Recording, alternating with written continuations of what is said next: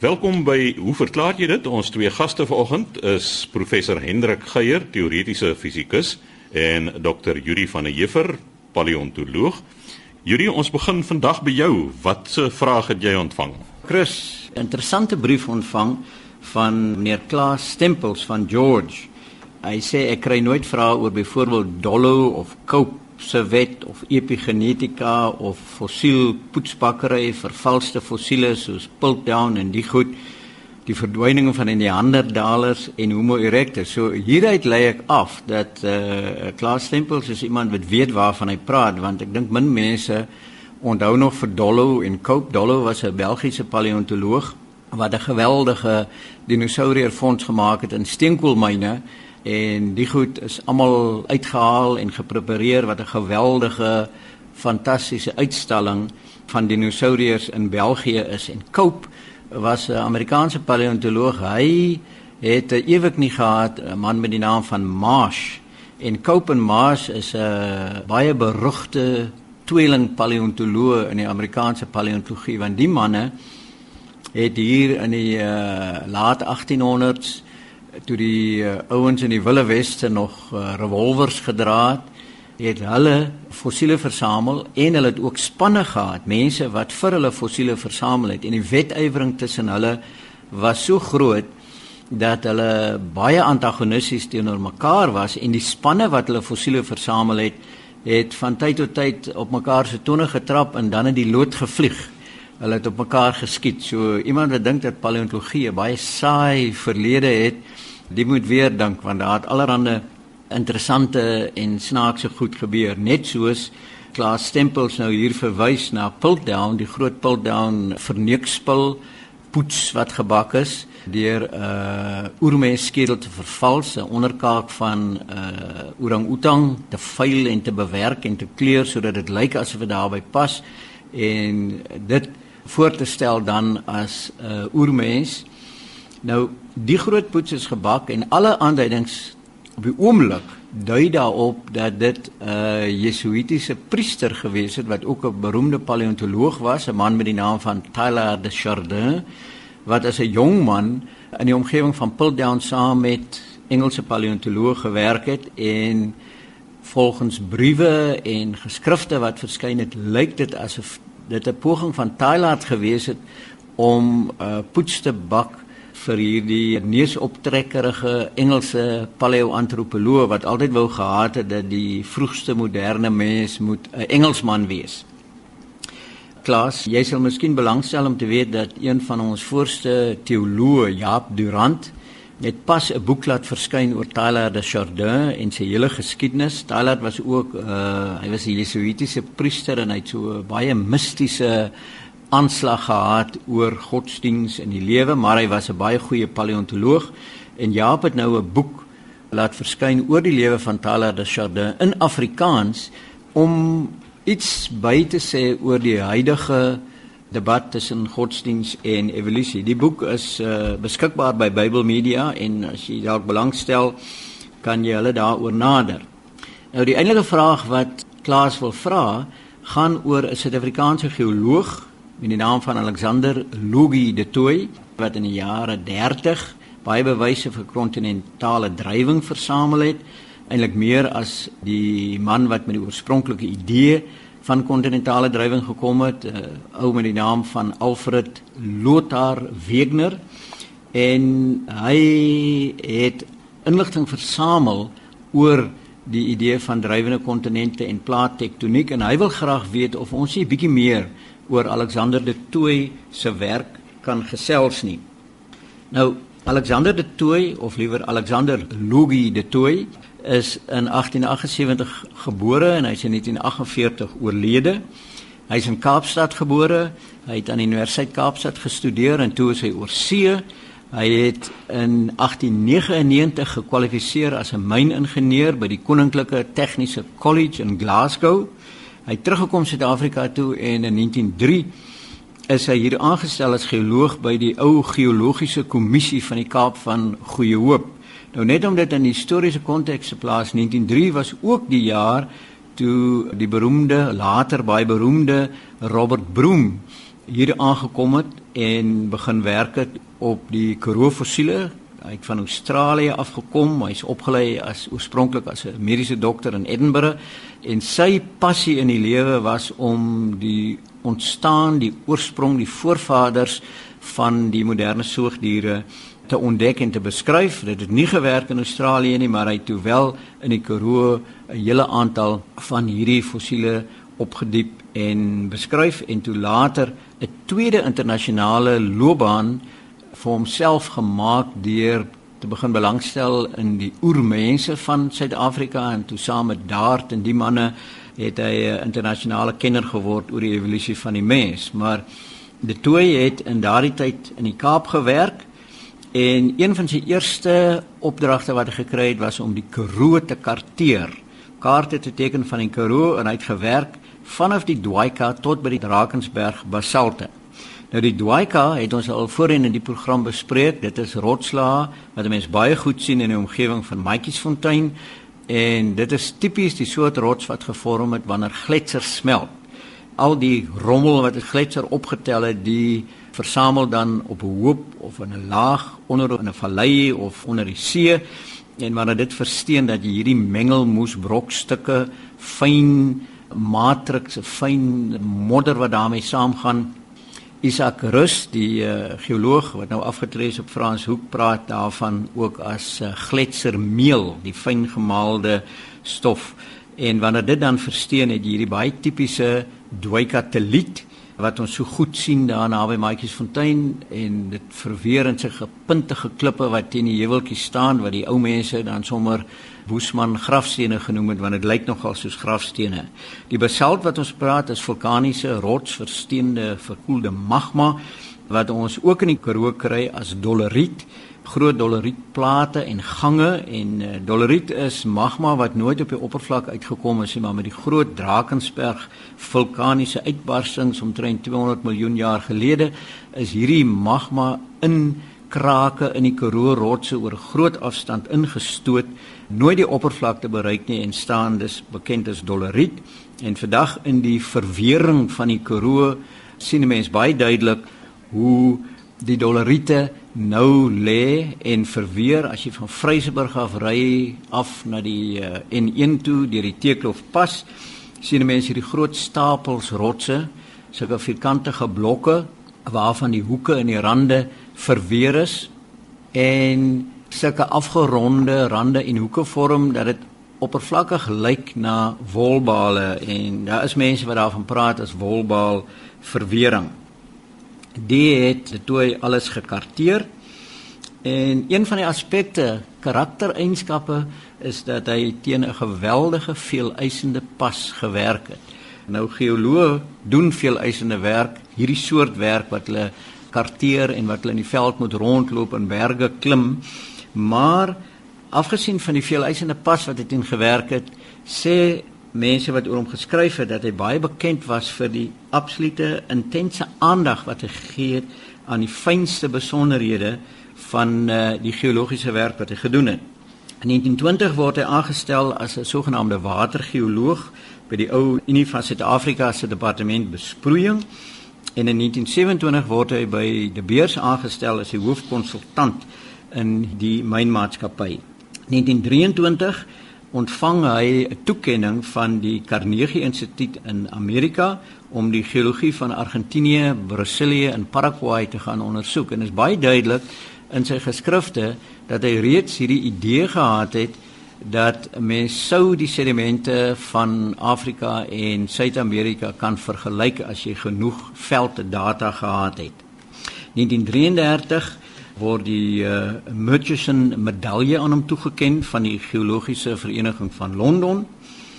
1927 skryf hy 'n artikel oor die uh, vergelyking tussen die geologie van Suid-Amerika en Afrika en in 1937 publiseer hy sy magnum opus. Dis 'n boek met die naam van Our Wandering Continents waarin hy die hele uiteensetting gee van drywende kontinente en die feit dat ons eintlik moet praat van plaattektoniek want die kontinente word eintlik geabba op baie groter plate wat die kors van die aarde uitmaak en dat daar krake tussen hierdie plate is waar daar nou magma opwel of plate wat onder mekaar indruk.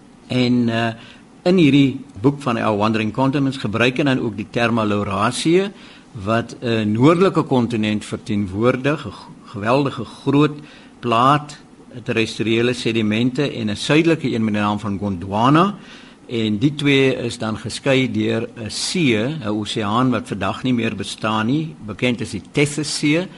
Die het verdwyn toe Indië losgebreek het van Afrika in die suide en noordwaarts gedryf het om teen Asië te bots, die Tethys See uit te wis en met al die krag van die botsing uiteindelik die Himalaya gebergtes die lug in te stoot. 1943 word Alexander de Tooy lid van die sogenaamde Royal Society en in 1941 het hy afgetree.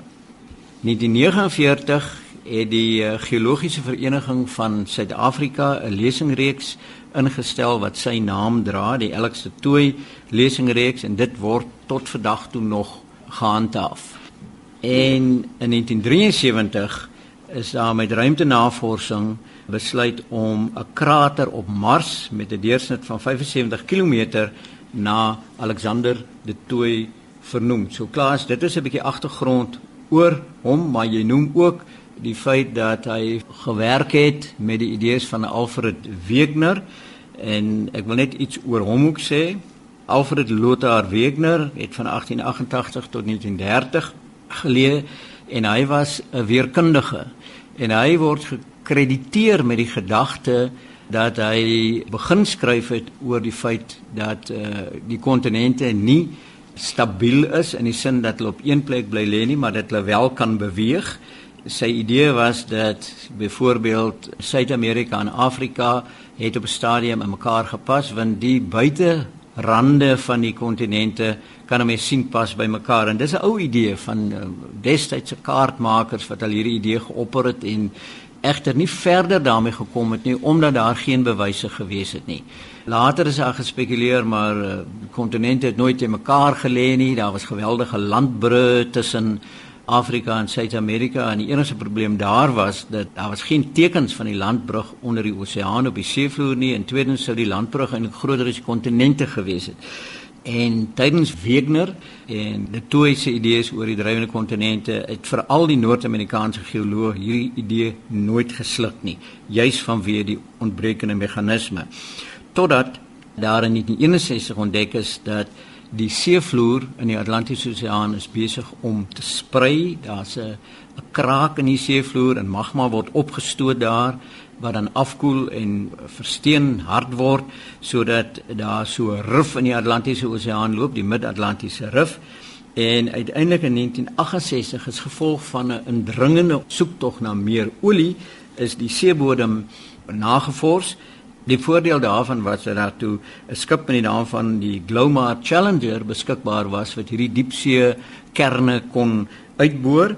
Die Mid-Atlantiese rif se bestaan is uh, bevestig en toe kon daar gesien word dat by hierdie rif kry jy die jongste rotse naaste aan die rif en die oudste rots te verse van die rif en hulle het begin besef dat daar beweging is dat daar nuwe rots geproduseer word.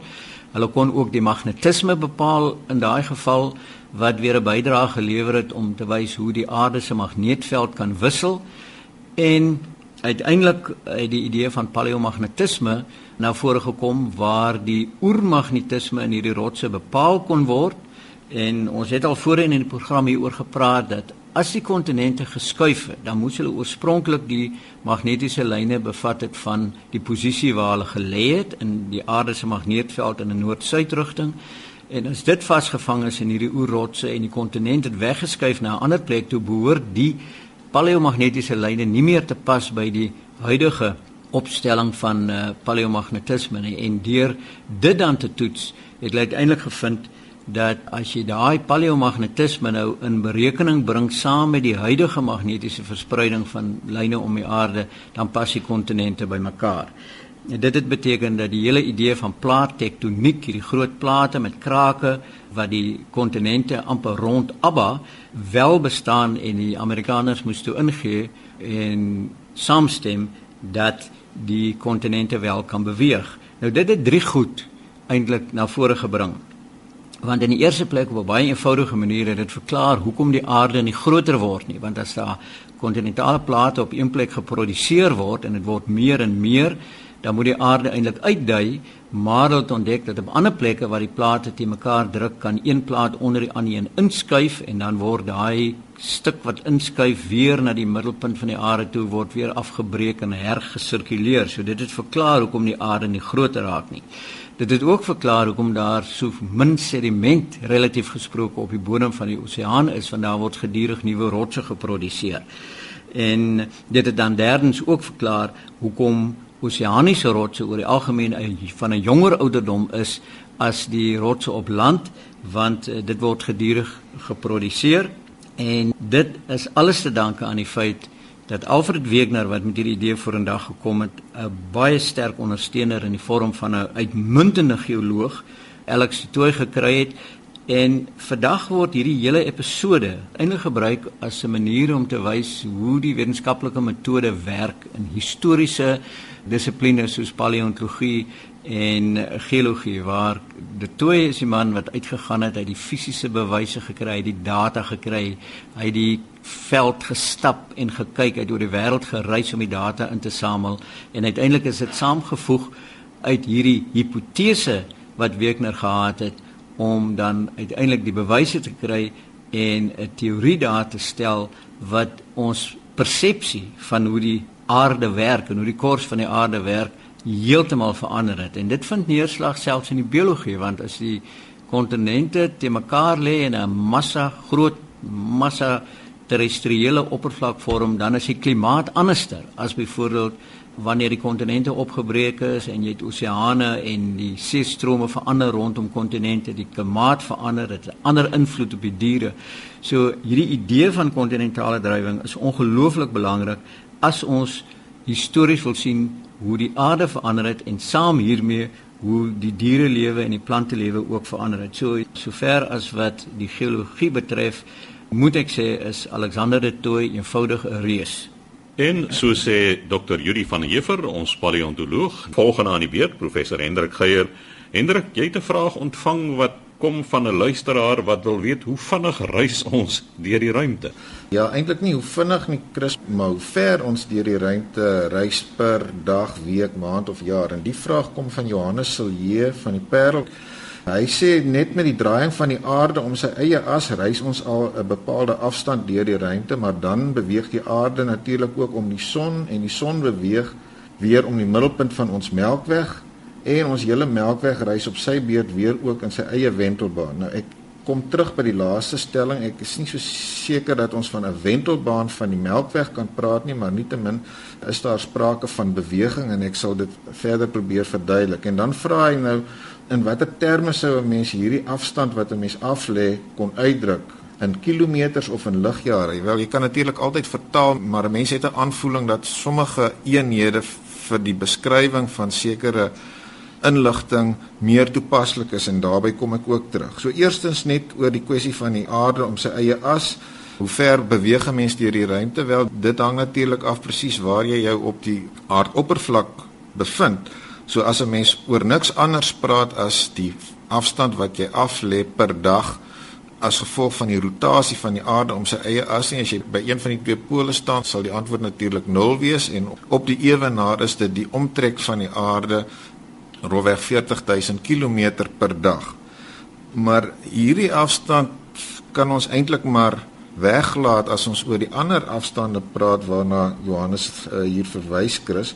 In die eerste plek, kom ons dink 'n bietjie oor die beweging van die aarde om die son. Want ons weet die aarde omwentel die son een keer per jaar, dis die definisie van 'n jaar immers en die afstand tussen die aarde en die son is 150 miljoen kilometer rofweg.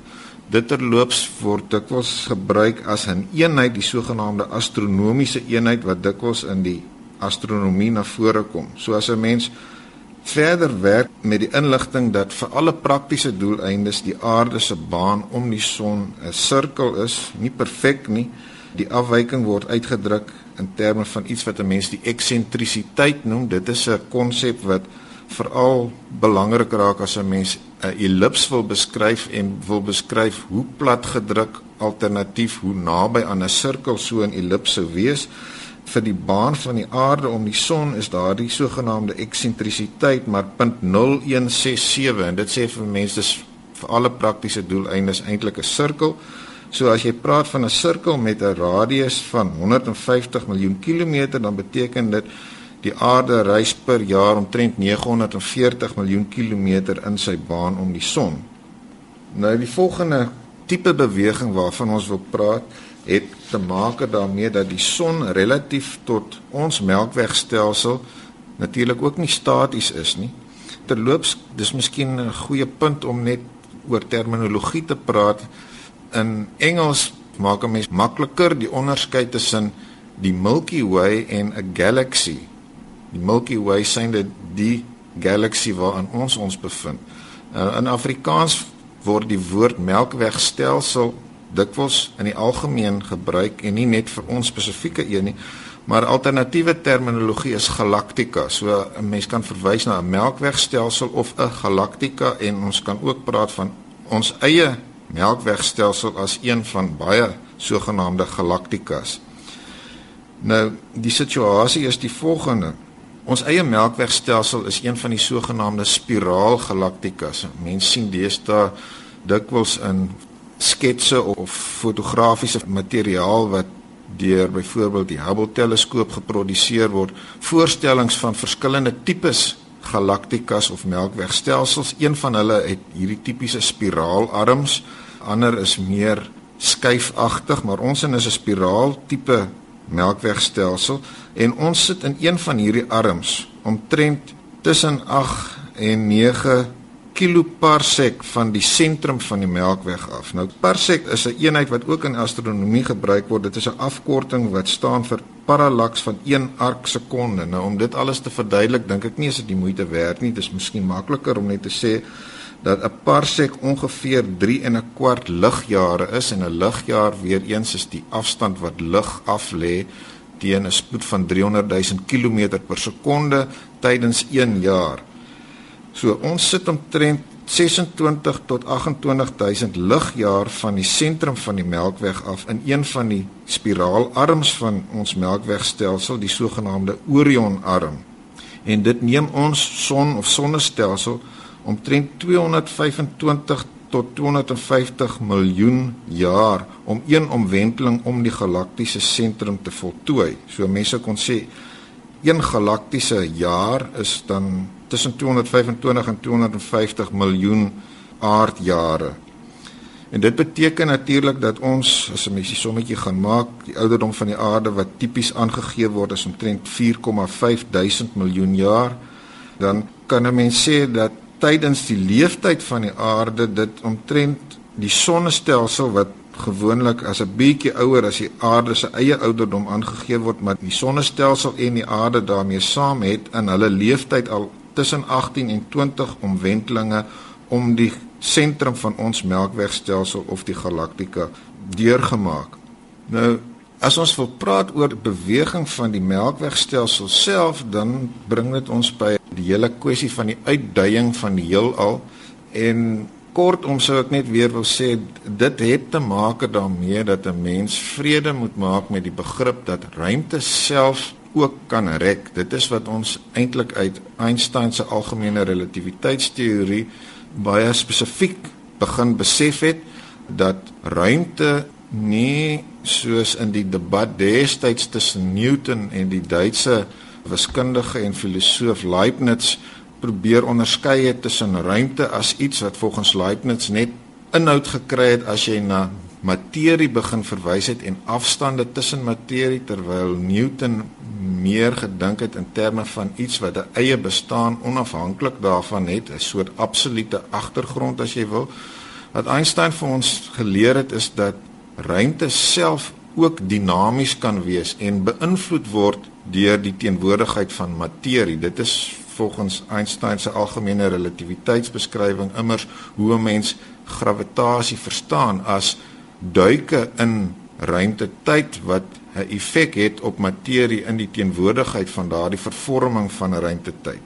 Nou hoe ook al, as ons praat van die beweging van melkwegstelsel self, dan weet ons dat juis deur die bestudering van veraf melkwegstelsels mense soos Hubble agtergekom het dat alle melkwegstelsels besig is om uitmekaar uit te beweeg. Dit is op die grootste skale, maar op lokale skale kan daar ander invloede wees en afgesien van die algemene uitdaging van die heelal wat natuurlik ook op ons eie melkwegstelsel van toepassing is, is daar eintlik 'n groter effek waarna mense kan verwys deur melding te maak van wat genoem word die groot aantrekker. Dit is volgens een beskrywing 'n ongelooflike digte en onvoorstelbare groot versameling van melkwegstelsels wat in 'n sekere sin saamgekoek is en wat so geweldige gravitasie-uitwerking op die onmiddellike omgewing het. Onmiddellik wat nou ook ons melkwegstelsel insluit alhoewel dit omtrent 150 miljoen ligjare ver weg is, is die effek hiervan dat ons eintlik op pad is na hierdie sogenaamde groot attraktor teen 'n spoed van omtrent 600 km per sekonde. So daar is nie eintlik sprake van 'n wentelbaan van ons eie melkwegstelsel nie, maar eintlik 'n voorkeur beweging in een spesifieke rigting, naamlik in die rigting van hierdie sogenaamde groot aantrekker of groot attraktor teen die spoed wat ek genoem het. So hier het ons nou uiteindelik Johannes dink ek 'n hele klomp afsonderlike bewegings wat natuurlik almal op mekaar gesuperponeer is. Eerstens die aarde om sy eie as, dan die aarde om die son, die son en die sonnestelsel in beweging rondom ons melkwegstelsel se sentrum en ons melkwegstelsel teen die agtergrond van die algemene uitdaging van die heelal ook baie spesifiek in een rigting op pad as gevolg van die aantrekking van hierdie reuse versameling van melkwegstelsels. Daar word dikwels na verwys as 'n sogenaamde superkluster van melkwegstelsels. Ons is dan inderdaad uiteindelik besig om om ons eie melkwegstelsel te beweeg teen omtrent 220 km per sekonde. Dit vertaal na omtrent 8 dae om die afstand van ons na die son af te lê. Dit wil sê 8 dae per wat dit neem om een astronomiese eenheid af te lê en omtrent teen 3 keer daardie spoed is ons eie melkwegstelsel op pad na die groot attraktor toe. Ek hoop jou kop draai nie nou soos myne wat al hierdie goed bymekaar probeer hou nie. Nou ja, daardie tyd ons ongelukkig ingehaal. Dankie aan professor Hendrik Geier vir daardie draaiende verduideliking. U kan gerus aan ons skryf by hoe verklaar jy dit? Posbus 2551 Kaapstad 8000 of 'n e-pos rig aan chris@rsg.co.za.